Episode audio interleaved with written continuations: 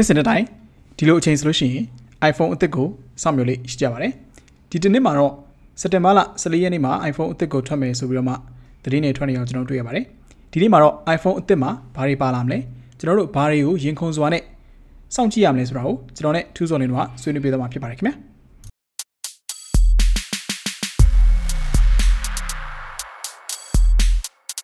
ဆရာထူးကျွန်တော်တို့စက်တင်ဘာလမကြခင်ရောက်တော့မယ် သူများတွေကခံမှန်းတာတော့စက်တင်ဘာ14ရက်နေ့မှာ iPhone အသစ်မိတ်ဆက်မယ်ပေါ့နော် iPhone အသစ်မိတ်ဆက်မယ်တဲ့အဲ့တော့ဘာတွေပါခြင်းလဲအခုဒီ iPhone အသစ်မှာဘာတွေပါတယ်ဆိုလို့ရှိရင်အဲ့ iPhone အသစ်ကိုတခါရဲဝယ်ပလိုက်ပါဟုတ်တယ်တော်တော်များများတော့ဒီအချိန်ရောက်လာပြီဆိုလို့ရှိရင် iPhone မိတ်ဆက်တဲ့ပွဲကိုဟိုရင်ခုန်ပြီးတော့အဲစောင့်ကြည့်ကြရပါတော့ကျွန်တော်လည်းအနှစ်တိုင်းလို့လို့စောင့်ကြည့်ပါတယ်ဆိုတော့ဒီနေ့တကယ်လို့ iPhone အသစ်မှာဟို အဲကျွန်တော်အနေနဲ့ကဒီ camera ဘိုင်းရဲ့ high refresh rate screen ရဲ့နောက်ဒီ security ဘိုင်းပေါ့နော်ဒီဒီ fingerprint sensor အာဘာလို့လဲဆိုတော့ကျွန်တော်တို့အခုလက်ရှိကဟို face unlock နဲ့ပဲဖုန်းဖွင့်ပိတ်လုပ်နေတာဆိုတော့ဆိုတော့အဲ့လို feature တွေပါလာပြီဆိုလို့ရှင်တော့ကျွန်တော်ကတော့အဲဒီဖုန်းဝယ်ဖို့စိတ်ဝင်စားပါမယ်။ um ဆိုတော့ကို Zack အနေနဲ့ရောဘယ်လို feature တွေအာပါမယ်လို့မျှော်လင့်ပါတယ်လဲ။ နောက်နှစ်ခုလောက်ပဲထပ်ပြည့်မယ်ပေါ့နော်အေးရ high refresh rate ပေါ့နော်အခုကတော့ industry မှာ standard တစ်ခုလိုဖြစ်လာတယ်ပေါ့ဟို high refresh rate ဆိုတာတော့ဖုန်းကပိုမြန်သွားတာပေါ့နော်ဖုန်းပုတ်လိုက်တယ်ဆိုလို့ရှိရင်ဖုန်းစာမျက်နှာတစ်မျက်နှာနေနောက်တစ်မျက်နှာသွားတဲ့အချိန်မှာအရင်မြန်သွားတယ်ဟိုဘာပဲလို့လို့အရင် smooth ဖြစ်လာတယ်ပေါ့နော်ဆိုတော့ဈေးကွက်ထဲမှာလည်း120 Hz က standard တစ်ခုလိုဖြစ်လာတဲ့အချိန်မှာ iPhone တွေက60 Hz မှာပဲကျန်ခဲ့တယ်ဆိုတော့တေးကြတယ်ဒီတစ်နှစ်တော့သူတို့ဒါတော့လုံးဝလုပ်တင်နေပေါ့နော်ဆိုတော့အဲ့ဒါပါလာစေချင်တယ်နောက်ထပ် ကျွန်တော်တို့ဈေးကွက်ထဲမှာလည်း iPhone က notch နဲ့စခဲ့တာပေါ့နော် notch ဆိုတာဒီထိတ်ထိတ်ပိုင်းမှာလေ cut လုပ်ထားတယ်ကင်မရာကင်မရာ cut ပေါ့နော်အပေါ်ထိတ်ပိုင်းမှာဖြတ်ထားတယ်ပေါ့ဒါပေမဲ့အခုကသူကအကြီးဆုံးဖြစ်သွားပြီသူကပထမဆုံးစခဲ့တယ်ဒါပေမဲ့သူများတွေကတေးတေးတေးထက်တေးတေးထက်တေးတချို့ဆိုလို့ရှိရင်ပျောက်သွားတဲ့ဖုန်းတွေရှိတယ်တချို့ဆိုလို့ရှိရင်ကင်မရာ hole punch လေးပဲပါတဲ့ဖုန်းတွေရှိရပါတော့သူတို့ကကြောက်အခုချိန်ဒီ notch ကအကြီးကြီးကျန်နေသေးတယ်အဲ့တော့အဲ့ဒါလေးနည်းနည်း short ပြီပေါ့နော်နောက်တစ်ခုက type C အခုချိန်ဒီဆရာသမားတွေက lightning port နဲ့ပျော်ပါနေကြတယ်အကုန်လုံး type C ဘက်သွားနေဆိုတော့ type C ပြောင်းလာမယ်ဆိုလို့ရှိရင်တော့ maybe I'll think about buying ပေါ့နော်ဘာလို့ဆိုကျွန်တော်ကျွန်တော်သုံးတာ iPhone 10နဲ့ဆိုတော့နည်းနည်းလေးခြားထဲမှာလည်း gap ကကွာသွားပြီဆိုတော့အဲ့ဒီကပါလာမယ်ဆိုလို့ရှိရင်ဆိုတော့သူစောနေပြောတဲ့အချက်တွေနဲ့အဲ့အချက်တွေပေါင်းမယ်ဆိုလို့ရှိရင်တော့ဝယ်ကောင်းဝယ်နိုင်တယ်ပေါ့နော် Okay ဆိုတော့ကျွန်တော်တို့လိုချင်တဲ့ဟာတွေရလားမရမလားဆိုတော့တစ်ချက်ကြည့်ကြည့်အောင်ပေါ့နော်အဲ့ဒီတနေ့လည်း iPhone ဒီလုံးထွက်မယ်လို့ခံမှန်းနေကြတယ်ယနေ့ကအတိုင်းပဲပေါ့နော် iPhone 13 mini uh, iPhone 13 iPhone 13 Pro iPhone 13 Pro Max အဲ့ဒီလေးလုံးတိုင်းပဲထွက်လာမယ်ပြောတယ်။ဒါပေမဲ့ခုရှိရအခုကျွန်တော်တို့ဒီနေ့ဆွေးနွေးမယ့်အချက်တွေအားလုံးကခံမှန်းချက်တွေပဲ speculation တွေပဲပေါ့နော်။အထူးသဖြင့်ကျွန်တော်တရုတ်ပြည်ရလာတဲ့ dummy phone တွေကိုကြည့်ပြီးကျွန်တော်တို့ဆွေးနွေးမှာ။အဲ့တော့ dummy phone တွေကိုကြည့်ပြီးဆွေးနွေးမယ်ဆိုတော့ဘယ်လောက်ထိယုံရမလဲမယုံရအောင်လဲပေါ့နော်။အဲ့တော့ယုံလို့အတိုင်းအတာတစ်ခုတည်းရပါတယ်။ဘာလို့လဲဆိုတော့ဒါက case manufacturer ပေါ့နော်။ case ကိုထုတ်လုပ်တဲ့လူတွေပေါ့ကျွန်တော်တို့ဒီ iPhone case ကိုထုတ်လုပ်တဲ့လူတွေစီကနေတဆင့်ရလာတဲ့ information ဖြစ်တဲ့အတွက် ယုံလို့ရကောင်ရနိုင်တယ်နောက်တစ်ခုကနှစ်တိုင်းနှစ်တိုင်းပေါ့နော်အဲ့လိုဖုန်းတွေမထွက်ခင်ဆိုလို့ရှိရင် dummy တွေထွက်တာရှိတယ်အဲ့ dummy တွေကများသောအားဖြင့်မှန်တာများတယ်ဆို maybe ကျွန်တော်တို့ဒီနေ့ဆွေးနွေးမယ့်ဟာတွေကလည်း80 to 90%လောက်မှန်မယ်လို့ကျွန်တော်တို့ခန့်မှန်းလို့ရတာပေါ့နော် so yeah let's see how it goes ကဲအဲ့တော့ဟိုဟာသူစောနေနည်းနည်း notch လေးနဲ့ပတ်သက်ပြီးပြောကြည့်မလားအဲ့ထိတ်ဆုံးသွားပြီနော်ပြောင်ခံတဲ့ဟို Samsung နေရာမှာ Apple ကိုပြောင်လိုက်တဲ့ဒီဟလာ ဘယ်လိုလဲဂရုံးစတောက်ကြီးတွေညှက်ထားတဲ့ပုံစံလိုဖြစ်နေတဲ့ notch လေးကိုနည်းနည်းပြောကြည့်ပါဦးဟုတ်တယ် um ဆိုတော့ဒီ iPhone မှာ notch ပါလာ2000 um uh, iPhone iPhone 10 kit ထဲကပါလာရပေါ့နော်ဆိုတော့အခုဆိုရင် iPhone 11 iPhone 12ထိဒီ notch ကြီးကဒီ size အတိုင်းပဲမပြောင်းဖြစ်နေပေါ့နော်ဆိုတော့ကျွန်တော်ဒီ dummy model လေးမှာတော့ um ကျွန်တော်တွေ့တဲ့လောက်ကတော့ဒီ notch ကို အဲနည်းနည်း size လေးသေးသွားမယ်ပေါ့နော်အခု iPhone 12အထိက notch ရဲ့ size ကဟို 35mm လောက်ရှိရယ်ဒီအသစ်ထွက်မဲ့ iPhone မှာဆိုလို့ရှိရင်တော့သူ notch size ကနည်းနည်းသေးသွားပြီးတော့ 26mm လောက်ပဲရှိတော့မယ်လို့အာပြောကြရပေါ့နော်ဆိုတော့နောက်တစ်ခုကတော့ဒီ notch ကိုသေးလိုက်တဲ့အတွက်ကြောင့်ဒီပုံမှန်ဆိုလို့ရှိရင်သူ့ရဲ့ speaker grill က notch ထဲမှာတစ်ခါဟိုပါပြီးသားပေါ့နော်ဆိုတော့ notch ကို size ကိုသေးလိုက်တဲ့အတွက်ကြောင့် speaker grill ကတော့ဖုန်းရဲ့အပေါ်ပိုင်းကိုနည်းနည်းလေးကတ်သွားမယ်ပေါ့နော်ဒီဖုန်းရဲ့ထောင်နာလေးမှာ အပေါ်ထောင်လာလေးမှာဖြစ်သွားမယ်ပေါ့ဆိုတော့အဲ့လိုတော့ပြောနေကြတယ်ဆိုတော့အာ notch ကတော့ပျောက်ဖို့ကတော့ဒီဘယ်လိုပြောမလဲဒီ sensory ကိုဖြောက်ပြမှာပဲရမယ်ဆိုတော့ဟိုဒါတော့နည်းနည်းတော့စောင့်အောင်ပဲထင်ပါတယ်ကျွန်တော်ဟို Apple က notch ဖြောက်ရတာပိုခက်မယ်တယ်ဘာလို့ဆိုတော့တချို့တွေက Face ID ဆိုလို့ရှိရင် camera ကိုသုံးတယ်လေဆိုဥမာမျက်နှာနဲ့ဖုန်းဖွင့်ချင်တယ်ဆိုလို့ရှိရင်သူက camera ကိုပဲသုံးလိုက်တာလေအဲ့တော့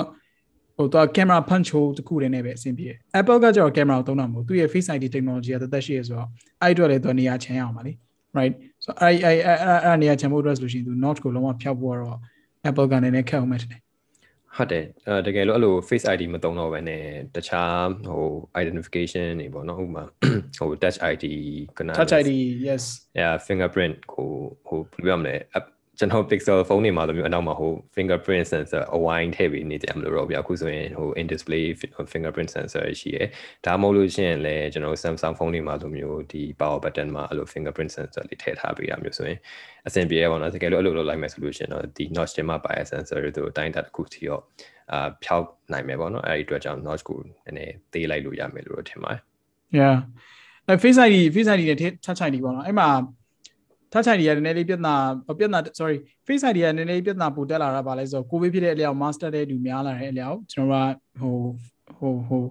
face ID နဲ့ဖွင့်လို့မရတော့ဘူးเนาะအကဲ Apple Watch ရှိရဆိုလို့ရှိရင် Apple Watch ကနေစင်ဖွင့်ပေးရတယ်ဒါပေမဲ့ तू ကလည်းအဲ့ဒါ first generation software ပဲဖြစ်တဲ့အတွက်တော်တော်နှီးသေးတယ်ကျွန်တော် grind သုံးကြည့်ရတယ်ဒါပေမဲ့အဲ့ဒါနှီးသေးတယ်ပေါ့နော်အဲ့အဲ့ချိန်မှာ तू က touch ID ပေါ့ touch ID ကတော့အရင်က Apple နာမည်ကြီးပြီးသားပါ iPhone 5 to 5 5s 2ကနေစပြီးတော့ touch ID ပါလာတယ် iPad မှာလည်းပါတယ်ပေါ့နော် power cloud power cloud နားလေးမှာပဲ तू က touch power cloud မှာလည်းထည့်လို့ရတယ် power cloud မဟုတ်ဘဲနဲ့ touch ID တက်တက်တက်လည်းထည့်လို့ရတယ်ပေါ့နော်ဆိုတော့အဲဒါပေမဲ့နောက်ဆုံး technology ကတော့ဆန္ဒဟိုသူစောလည်းပြောလို့ပဲကျွန်တော်တို့ဒီ fingerprint ပေါ့နော် in display fingerprint ပေါ့အဲ့တော့ဒီမှန်မှာပဲကွာလက်မလေးနဲ့ပဲဖြစ်ဖြစ်နော်ကိုယ့်ရဲ့လက်လက်ပွေရနဲ့နှိပ်လိုက်တယ်ဆိုလို့ရှိရင်ဖုန်းကိုဖွင့်လို့ရမယ်ပေါ့နော်ကျွန်တော်ကင်တဲ့ OnePlus လို့ရှိရင်အဲ့ဒါအဲ့ဒါအဲ့ဒါပဲပေါ့နော်ဆိုတော့အဲ့ဒီဟာတော့အခုဒီ iPhone 13မှာပါလာမလားဆိုတော့အားလုံးစောင့်စားနေကြတာပေါ့ကျွန်တော်ထင်တော့ပါလာမယ်ထင်တယ် because it makes sense right ဟုတ်တယ်ဆို တော့ကျွန်တော်လည်းပါလာဖို့မျှော်လင့်နေပေါ့နော်ဟိုကန notch အပိုင်းနဲ့ထပ်ပြောရမယ်ဆိုလို့ရှိရင်ကျွန်တော်အခုဆိုလို့ရှိရင်ဟို Xiaomi ဆိုလို့ရှိရင်ကျွန်တော်မနေ့ကပေါ့နော်မနေ့ကဆိုတော့ဒီ um August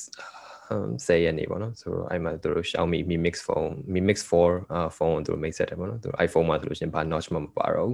ဟိုဒီ camera ကလည်းဒီသူတို့ screen ထဲမှာတစ်ခါမြုပ်ထားတယ်ပေါ့နော် iPhone မှာလည်းသူကဟို yeah yeah yeah ဒီကတခါအုပ်ထားပြီးသားပေါ့ camera camera screen ထဲမှာအုပ်တဲ့ဟာ yeah ဟုတ်တယ်ဆိုတော့ iPhone နေနဲ့ဒီ screen design မိုင်းမှာနည်းနည်းလေးခင်းနောက်ကျနေပြီဆိုတော့ yeah လိုက်မှာပဲဖြစ်မယ်ပေါ့ right အဲ့ဒါပေမဲ့အဲ့ camera တော့လုံးဝအဆင်မပြေပါဘူး iPhone ကျွန်တော် review တစ်ချက်ကြည့်ကြည့်ရပေါ့နော်သူကဒီ camera ကို screen ထဲမှာမြုပ်ပြီးတော့အပေါ်ကနေတက်ပြန်အုပ်ထားပြန်အုပ်ထားတာအုပ်ထားတာလေးကို camera မှာနည်းနည်းလေးမြင်ရတယ် but ဟိုသူတို့တော့ဒီ technology နဲ့ပတ်သက်ဟို technology အသစ်ကိုစပြီးတော့မှဒီ trainer နဲ့ပတ်သက်ပြီးတော့မှတော့ credit တော့အပြည့်ပေးရမယ် ဒါပေမဲ့အဲ့ technology ကလည်းနည်းနည်းစောသေးရပေါ့ဟိုလိုပဲဟို in display fingerprint လိုပဲပေါ့နော်စပေါ်လာတာနည်းနည်းစောသေးရအချိန်နဲ့ကြာတယ် second တစ် second လောက်စောင့်ရရှိမယ်အခုဆိုလို့ရှိရင်လောက latency ကလောကမရှိတော့ဘူးနော်ဟုတ်တယ်ဟုတ်တယ် yeah သူတို့လည်း portless phone so တချို့တွေကပြောနေကြတယ်အခု iPhone 13မှာတဲ့အသွင်ကျိုးအပေါက်တာမပါတော့ဘူးဖြစ်မယ်တဲ့အဲ့အဲ့ဘယ်လိုထင်လဲသူက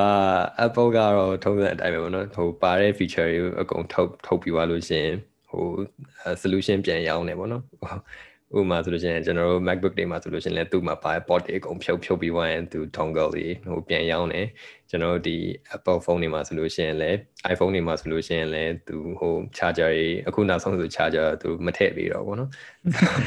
charger တော့မပေးတော့ဝယ်တော့ကိုယ့်အသာကိုဆိုတော့သူကဟိုသူကပတ်ဝန်းကျင်ထိမ့်သိမ့်နေပေါ့နော်ရွေချက်ကအကောင်းပါဒါပေမဲ့အဲ့လိုဟိုစက်တက်ပြန်ဝင်နေရဆိုတော့ ပတ်စံတော့ပို့ကုန်တယ်ပေါ့ဆိုတော့အခုလို portless လုပ်လိုက်မယ်ဆိုလို့ရှိရင်လည်းသူရဲ့ wireless charger တွေကိုကျွန်တော်တို့ကပြန်ပြီးတော့ဟို live ဝယ်ရမယ်တဘောပေါ့နော်ဒါပေမဲ့ကျွန်တော်ထင်တာကတော့ portless phone ကတော့နည်းနည်းဖြစ်လာဖို့ဟိုလိုသေးရလို့ထင်တယ်ပေါ့နော်ဘာလို့လဲဆိုတော့အခုလက်ရှိ iPhone သုံးနေတဲ့လူတွေကဒီ port ကိုအားသွင်းတာတခုပဲမဟုတ်ဘဲနဲ့ဥပမာကျွန်တော်တို့လိုမျိုးဒီလို podcast လုပ်ချင်တဲ့လူတွေဟိုအတန်သွင်းချင်တဲ့လူတွေဆိုလို့ရှိရင်အဲ့လို mic ဟို mic ကိုသူတို့ i iPhone နဲ့တွဲပြီးတော့သုံးနိုင်ရှိရပါတော့ဆိုတော့အဲ့လိုအာ feature တွေသုံးမယ်ဆိုလို့ရှိရင်အကြတော့ဟိုသူကဟို port တစ်ခုတော့လိုရပါတော့သူဘယ်လိုပြောမလဲဟို Bluetooth earphone က mic တွေပါရောပါတော့ရှိပေမဲ့သူ sound quality ကကြာအဲ့လောက်ကြီးမကောင်းဘူးเนาะဒီဘက်ဟိုအသံသွင်းတာနဲ့ပတ်သက်လာဆိုလို့ရှင်ဆိုတော့အဲ့လိုလူတွေအတွက်ကတော့ဒီသူတို့အတွက်စဉ်းစားမယ်ဆိုလို့ရှင်ကတော့ဒီ portless phone ကတော့နည်းနည်းလိုအောင်မယ်လို့ထင်ပါတယ် Yeah ပြန်နောက်တစ်ခုကဒီ MagSafe ecosystem ပေါ့နော် ဆိုတော့ MagSafe ကိုသူတို့ပြီးခဲ့တဲ့အဲနှစ်တောင်စပြီးတော့မိတ်ဆက်ပေးတယ်ဒါပေမဲ့အခုလည်း MagSafe MagSafe ကိုသုံးပြီးတော့မှအဲ့လိုမျိုး device တွေ gadget တွေထုတ်နေတဲ့လူတွေအများကြီးရှိလာတယ်ပေါ့နော်ဒါပေမဲ့ um ဟို MagSafe ecosystem ဘယ်လောက်ထိတိုးတက်ထွန်းကားလာတဲ့ပေါ်လည်းမူတည်မယ်ထင်တယ်ဒါပေမဲ့ it's going to be exciting ဒါပေမဲ့ကျွန်တော်ကဒီ iPhone 13မဟုတ်ရင်တော့မှနောက်ထပ်14 15တို့မှာ Polaris phone တော့ဖြစ်ကောင်းဖြစ်လာနိုင်ပါတယ် ဆို Polaris phone နဲ့ပတ်သက်ပြီးကျွန်တော်ပြီး AC ကျွန်တော်ထပ် episode တစ်ခုနဲ့အသေးစိတ်တော့ဆွေးနွေးလို့ရတယ်မနော်။အဲအခုအခုဒီဒီ iPhone 13 dummy models ဒီမှာလုံးဝမျက်စိနဲ့ကြည့်လိုက်တာချက်ချင်းမြင်ရတဲ့ဟာတော့ဗာလဲဆိုကင်မရာတွေအကြီးဖြစ်သွားတယ်။ကင်မရာတွေအရင်ကြီးလာတယ်ကြီးလာပြီးတော့မှကင်မရာ placement ပေါ့နော်။ကင်မရာထားတဲ့နေရာလေးနည်းနည်းလေးကွာပါတယ်။ကင်မရာတစ်ခုနဲ့တစ်ခုကြားမှာဟိုပိုပါလာတယ်။အဲနေရာလေးနည်းနည်းပိုပါလာတယ်ပေါ့နော်။တချို့ပြောရတော့ဗာလဲဆိုတော့ဒီကင်မရာတွေသူက sensor တွေအသစ်ထည့်ထားတယ်။အသစ်ထည့်ထားပြီးတော့မှ stabilization ပိုကောင်းအောင်ပေါ့နော်။ image stabilize stabilization ပိုကောင်းအောင်ထည့်ထားတယ်လို့ပြောတယ်။အဲဒီ image stabilization technology ကကြောင့်ကျွန်တော်ဒီ iPhone 12 Pro Max မှာဆိုလို့ရှိရင်ကင်မရာသုံးလုံးမှာတစ်လုံးပဲပါတယ်။ဒါပေမဲ့အခု iPhone 13မှာဆိုလို့ရှိရင်တော့13 Pro နဲ့ Pro Max နှစ်ခုလုံးမှာရှိတဲ့ကင်မရာတွေအားလုံးမှာအဲ stabilization technology ကိုထည့်ပြီးမှဖြစ်တဲ့အတွက်ကင်မရာတွေပိုကြီးသွားတယ်လို့တချို့ပြောကြရလဲရှိတယ်ပေါ့နော်။ဆိုတော့ကင်မရာနဲ့ပတ်သက်လို့ရှိရင်တော့ဒါတော့လုံးဝကြီးလိုက်တဲ့ချက်ချင်းမြင်ရတဲ့အပြောင်းအလဲတစ်ခုပေါ့ iPhone 13မှာဆိုလို့ရှိရင် ဟုတ်နောက်တစ်ခုကဒီကင်မရာနဲ့ပတ်သက်ပြီးပြောရမယ်ဆိုရင်ဒီကျွန်တော်တို့ iPhone က model ၄ခုထွက်မယ်ဆိုတဲ့နေရာမှာဟိုဒီ Pro မဟုတ်တဲ့ model ပေါ့နော်ဟိုဟိုကင်မရာသုံးလုံးမပါတယ်ကင်မရာနှလုံးပဲပါတယ်ရိုးရိုးဟိုအာဖုန်းတွေမှာသူကကင်မရာရဲ့ arrangement ကအခု tire ကောင်တော့ဖြစ်သွားရပါတော့ကျွန်တော် iPhone 12မှာဆိုလို့ရှိရင်သူရဲ့ဟိုကင်မရာ arrangement ကပေါ်အောင်အခုကဒီဇိုင်းဟုတ်တယ်ဆိုတော့အခုဒီဇိုင်းလေးဖြစ်သွားရပေါ့ yeah နောက်ဆုံးတစ်ခုလည်းကျွန်တော်စိတ်ဝင်စားစရာအကောင်းဆုံးပါနော်ကျွန်တော်အရင်မျှော်လင့်နေတယ် high refresh rate ဆရာသူစောလည်းနည်းနည်းလေးပြပါအောင် high refresh rate ပတ်သက်ပြီးတော့မှဖြစ်နိုင်မလားမဖြစ်နိုင်မလားอืม high refresh rate ကသူတို့ဒီနှစ်ကတော့မဖြစ်မနေထည့်ရအောင်မယ်လို့ထင်တယ်ပေါ့နော်။ဘာလို့လဲဆိုတော့ဒါတခြားဖုန်းတွေနဲ့ရှင်းကြည့်မယ်ဆိုလို့ရှိရင်တော်တော်လေးနောက်ကျနေပြီကျွန်တော်တို့ Android ဖုန်းတွေမှာဆိုလို့ရှိရင်ဒီ high refresh rate ဟိုဒီ screen တွေကိုသုံးလာတာ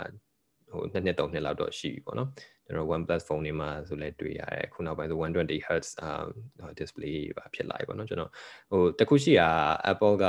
သူ့ရဲ့ iPad မှာတော့ promotion ဆိုပြီးတော့ဟို high refresh rate screen ကိုသုံးထားရပါတော့ဆိုတော့အာဒီ feature ကကျွန်တော်တို့ iPhone ပေါ်မှာရောဟိုရောက်လာမလားဆိုတာကျွန်တော်တစ်ချက်စောင့်ကြည့်ရမှာပေါ့ကျွန်တော်ကတော့ဟိုဒါကတော့မဖြစ်မနေလောက်ရတော့မယ်လို့ထင်ပါတယ်ဒါတော်တော်လေးနောက်ကျနေတော်တော်ဒီ iPhone သုံးတဲ့လူတော်တော်များလည်းဟိုစောင့်နေရဒီမနှစ်က အဲဆိုလို့ရှိရင်လုံးဝပါမယ်လို့သိကြပြီးတော့စောင့်နေကြတဲ့လူတွေရှိရပေါ့နော်ဆိုတော့ဒီနှစ်ကတော့သူတို့မဖြစ်မနေထည့်ရအောင်မယ်လို့ထင်ပါတယ် yeah yeah high refresh rate ကတော့ gamer တွေကလုံးဝ crazy ပေါ့နော်ဟုတ်တယ်မဟိုဘာ gamer ဆိုဆိုဟို refresh rate ပိုမြင့်နေ screen ကပိုပြီး smooth ဖြစ်နေဆိုတော့ပိုပြီးတော့ဆော့လို့ကောင်းတာပေါ့နော်အဲ့တော့ကျွန်တော်လည်း OnePlus phone သုံးပါတယ်ကျွန်တော်90 Hz display ရှိရပေါ့နော်90 Hz ဆိုတော့အရင် smooth ဖြစ်တယ်ဒါပေမဲ့ကျွန်တော် iPhone ကကျတော့60ပဲရှိပေါ့နော် အဲတခုရှိရတော့ iPhone ကကျတော့သူ software hardware integration အရင်ကောင်းတယ်ပေါ့သူကိုယ်တိုင် software ထုတ်တယ်သူကိုယ်တိုင် hardware ထုတ်တယ်ဆိုတော့အဲ့ဒီမှာသူကဟို synchronization အရင်ကောင်းတော့တိတ်မတိတာဘူးဆိုပေမဲ့တခြားဖုန်းတွေနဲ့ရှင်းလိုက်တိတာတယ်ဗျာအဲ့တော့ဒီတနေ့တော့လုံးဝ120 Hz ကတော့ထည့်ဦးထည့်အောင်ဒါပေမဲ့တခုတချို့ပြောနေတာပါလဲဆိုတော့သူ120 Hz ထည့်မယ်တဲ့ဒါပေမဲ့ Pro version တွေမှာပဲထည့်မယ်တဲ့အဲ့တော့ iPhone 13 mini နဲ့ iPhone 13မှာဆိုလို့ရှိရင်တော့ refresh high refresh rate မပါဘူး Max Pro Max နဲ့ Pro မှာတော့ထည့်မယ်လို့တချို့ပြောနေကြပါတော့။ဘာလို့ဆိုတော့သူကဒီ iPhone 13 iPhone 12နဲ့ iPhone 12 Pro နဲ့ဆိုလို့ရှိရင်ကွာခြားချက်နည်းနည်းနေ။ like အဲ့လို normal user တွေအတွက်ဆိုလို့ရှိရင်နည်းနည်းကွာနေဗျာ။ကွာနေတော့ तू ကအာဟိုလိုပြော upgrade မလုပ်ချင်ကြဘူး။ or maybe သူကကွာအောင်နည်းနည်းလေးပိုများချင်အောင် difference နည်းနည်းလေးပိုများလာအောင် Pro version တွေမှာပဲအာဟို high refresh rate ထည့်မလားပေါ့နော်။အဲ့ဒီတစ်ချက်လည်းကျွန်တော်စောင့်ကြည့်ရမှာပေါ့။ ဟုတ်ကဲ့နောက်တစ်ခုကတော့အဲ့လို high refresh rate ထည့်လိုက်တဲ့အတွက်ကြောင့်သူဟိုဘယ်လိုပြောမလဲအကျိုးသက်ရောက်မှုဖြစ်တာကတော့ဟို battery life ပေါ့နော်ဆိုတော့တခြားဖုန်းတွေကျွန်တော်တို့ Google Pixel ဖုန်းတွေမှာဆိုလို့ရှိရင်သူပထမဆုံး high refresh rate ထည့်တော့ဆိုလို့ရှိရင်သူရဲ့ battery battery ဟိုဘယ်လိုပြောမလဲ battery life ကတော်တော်လေးတိုသွားရပါတော့ဆိုတော့အဲ့ပြဿနာကိုသူတို့ဖြေရှင်းနိုင်မလားဒီဒီ promotion ကိုထည့်လိုက်မယ်ဆိုလို့ရှိရင်အာဖြေရှင်းနိုင်မလားဆိုတာကျွန်တော်တစ်ချက်ကြည့်ရမှာပေါ့ yeah ဟုတ်တယ် iPhone battery နဲ့ပတ်သက်တော့အလောက်ကြီးမကောင်းနော် I mean သူတို့ပုံမှန် battery strength ကိုလည်းသူတို့သိချညာလေးတော့မရှိဘူးဒါပေမဲ့အဲသိမကောင်း battery life ကတော့ iPhone မှာတော့ so it's going to be an interesting challenge for them okay နောက်ဆုံးတစ်ချက်အနေနဲ့ဆိုလို့ရှိရင်တော့အခုဒီ iPhone ကဒီ2021မှာသူတို့ iPhone ကိုတဲ့20% 20ရာခိုင်နှုန်းပိုပြီးရောင်းနိုင်မယ်လို့သူတို့ခန့်မှန်းထားတယ်ပေါ့နော်အရင်တော့ဆိုလို့ရှိရင်သူတို့ပုံမှန်အားဖြင့် iPhone ကဒီ85 million unit ပေါ့နော် iPhone အလုံးပေါင်း85 million ကိုသူတို့မှားလေးရှိဆိုပေမဲ့ဒီတစ်နှစ်မှာတော့သူတို့ iPhone အလုံးပေါင်းတန်း90မှားထားတယ်ပေါ့နော်အဲ့တော့သူတို့ဘာတွေကြံနေလဲတော့မသိဘူးဘာတွေကြိတ်ကြံနေလဲတော့မသိဘူးသူတို့ retail therapy ပေါ့နော်လူတွေကအခု pandemic ကလည်းတဖြည်းဖြည်းနဲ့ပြီးလာကြပြီ vaccine တွေထိုးလာကြပြီဆိုတော့အကုန်လုံးစုပြီးဝယ်ကြမလားတော့ဒါမှမဟုတ်လေဒီတချို့သူတို့ရဲ့ maybe 5G ကိုဒါ second generation device တွေဖြစ်မယ်လေပြီးခဲ့ပြီးခဲ့နှစ်ကစပြီး 5G စသုံးလာတော့ဒါ second gen device တွေဖြစ်တဲ့အတွက် အဲသူတို့အနေနဲ့ဟိုဟိုလူတွေပို့ပြီးမှသုံးကြမလားပေါ့နော်။ဘာတွေကြံစီနေလဲတော့မသိဘူး။ဒါပေမဲ့သူတို့ပို့ပြီးတော့ထပ်မှာထားပြီ။ဆိုတော့ကျွန်တော်တို့အဲ့ဒါတွေအားလုံးရဲ့အဖြေတော့စက်တင်ဘာ14ရက်နေ့အတိအကျတော့မထွက်သေးဘူး။ဒါပေမဲ့စက်တင်ဘာ14ရက်လို့တော့ကျွန်တော်တို့ညှို့လင့်နေပေါ့နော်။အဲ့ဒီမှာကျွန်တော်တို့စောင့်ကြည့်ကြမှာပေါ့။ဆွေးနွေးပြကျေးဇူးတင်ပါတယ်။ကိုထူးစောလင်းဟုတ်ကဲ့ပါ။ဒါဆိုလို့ရှိရင်အခုကလေးကနော် iPhone ကိုဝယ်မယ်မဝယ်ဘူးလို့စဉ်းစားနေတဲ့လူတွေပတ်စံစုမယ်ဆိုလို့ရှိရင်လည်းစုလို့ရပြီပတ်စံမစုတော့ဆိုလည်းမစုလို့ရပြီပေါ့နော် အဲအဲ့တော့ဒီကျွန်တော်တို့ဆွေးနွေးမှုကနေပြီးတော့မှအချက်လက်လေးရသွားပြီးတော့မှနော် iPhone upgrade လုပ်ဖို့အသစ်လဲဖို့အတွက် decision making အတွက်လည်းအတိုင်းအတာတစ်ခုဒီအထောက်အကူပြုမယ်လို့ကျွန်တော်ယုံကြည်ပါတယ်ဗျာဟုတ်ကဲ့ကျွန်တော်တို့အခုဆွေးနွေးသွားတဲ့အချက်တွေတကယ်ဖြစ်လာမဖြစ်လာဆိုတာတော့ဒီ iPhone မိတ်ဆက်ပွဲကြာရင်တော့ကျွန်တော်တို့အာတွေ့ရမှာပေါ့နော်ဆိုတော့အားလုံးပဲအာအာရင်ခုန်နေကြမယ်လို့ထင်ပါတယ်ကျွန်တော်လည်းစောင့်ကြည့်နေမှာပါ iPhone 13နဲ့ပတ်သက်ပြီးတော့မှနောက်ဆင်ပြီးတော့ကျေးဇူးတင်ပါတယ်ခင်ဗျာ နောက်အပတ်ဒီမှာလည်းလူအများစိတ်ဝင်စားနေတဲ့ Bitcoin blockchain cryptocurrency နဲ့ပတ်သက်တဲ့ episode တွေကိုဆက်လက်ပြီးတင်ဆက်ပေးသွားမှာဖြစ်တဲ့အတွက် TechCafe podcast ကိုကိုနှစ်သက်ရာ podcast application တွေဖြစ်တဲ့ Spotify, Google Podcast, Apple Podcast တို့ကနေတစ်ဆင့်ရယူနားဆင်နိုင်ပါတယ်ခင်ဗျာအားလုံးနောက်တစ်ပတ်မှာပြန်တွေ့ကြပါမယ်